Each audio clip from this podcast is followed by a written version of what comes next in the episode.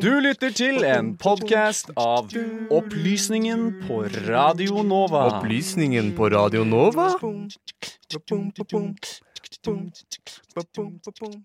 Ja, stemmer det. Opplysningen på Radio Nova det er jo faktisk programmet du hører på. Og eh, ikke bare hører du på eh, Opplysningen, men du hører på Opplysningen den 28. februar. For eh, vi er jo nå godt inne i 2020, og som mange sikkert er klar over, så er dette et skuddår.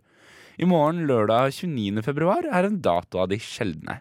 I ukas opplysning har vi tatt en litt nærmere titt på dette fenomenet. Ukas opplysning. Ukas opplysning på Radio Nova.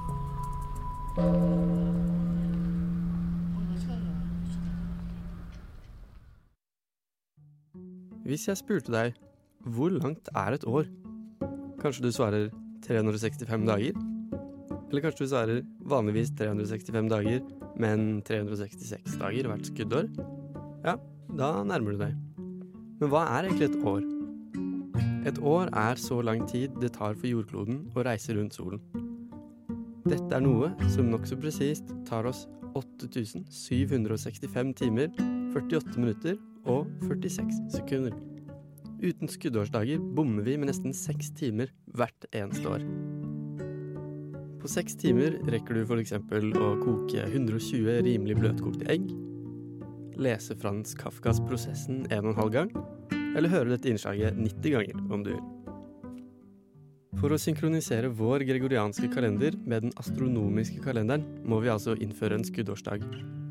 Men kan vi ikke bare ha 365 dager i året? Hva hadde skjedd da? Vi kan det, og det hadde funket helt fint i noen få år.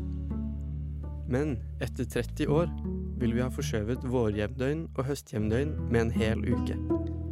Etter 300 år da har ti uker med forskyvning gjort at sommersolvær lander i begynnelsen av april. For å unngå dette kaoset legger vi til en dag i februar hvert fjerde år. Men ikke ved et nytt århundre, med mindre det kan deles på 400. Syns du dette er komplisert? Da er du ikke alene. På verdensbasis er det fire millioner mennesker som ble født på skuddårsdagen 29. februar. På engelsk har de det fiffige navnet leapers eller leaper babies. Hvert år må de velge hvilken dag de skal feire bursdagen sin på. 29. februar 1960 fikk Karen Henriksen sitt første skuddårsbarn. Fire år senere kom det neste skuddårsbarnet, og etter fire nye år kom tredjemann i søskenblokken. Alle sammen født på 29. februar. Så vidt vi vet, er dette det eneste tilfellet i verdenshistorien. Heia Karen Henriksen, og heia Norge. Det er kanskje naturlig at vi som mennesker opp gjennom årene har tenkt på 29. februar som en litt merkelig dag utenom det vanlige. I mange land har det oppstått særegne tradisjoner knyttet til den dagen. I noen kulturer er det litt som fredag den 13. at skuddårsdagen og skuddåret gjerne forbindes med overtro og ulykke. I Taiwan har de tradisjon for at gifte kvinner drar hjem til foreldrene sine i hele februar. Ifølge folketroen skulle dette forhindre at de eldre fikk dårlig helse. For å unngå forbannelse og ulykke skal døtrene ta med nudler hjem og tilbringe tid sammen med familien sin.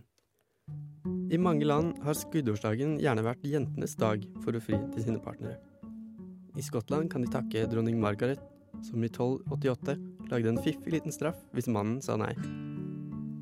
Boten for å si nei var et kyss og en splitter ny silkekjole, eller valgfritt tolv par med hansker.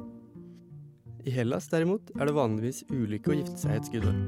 Til den dag i dag velger mange partnere, hele 20% å skynde seg med giftermålet eller å utsette bryllupet. Det virker som om ulike kulturer har tolket denne litt uvanlige tiden på ganske forskjellige måter.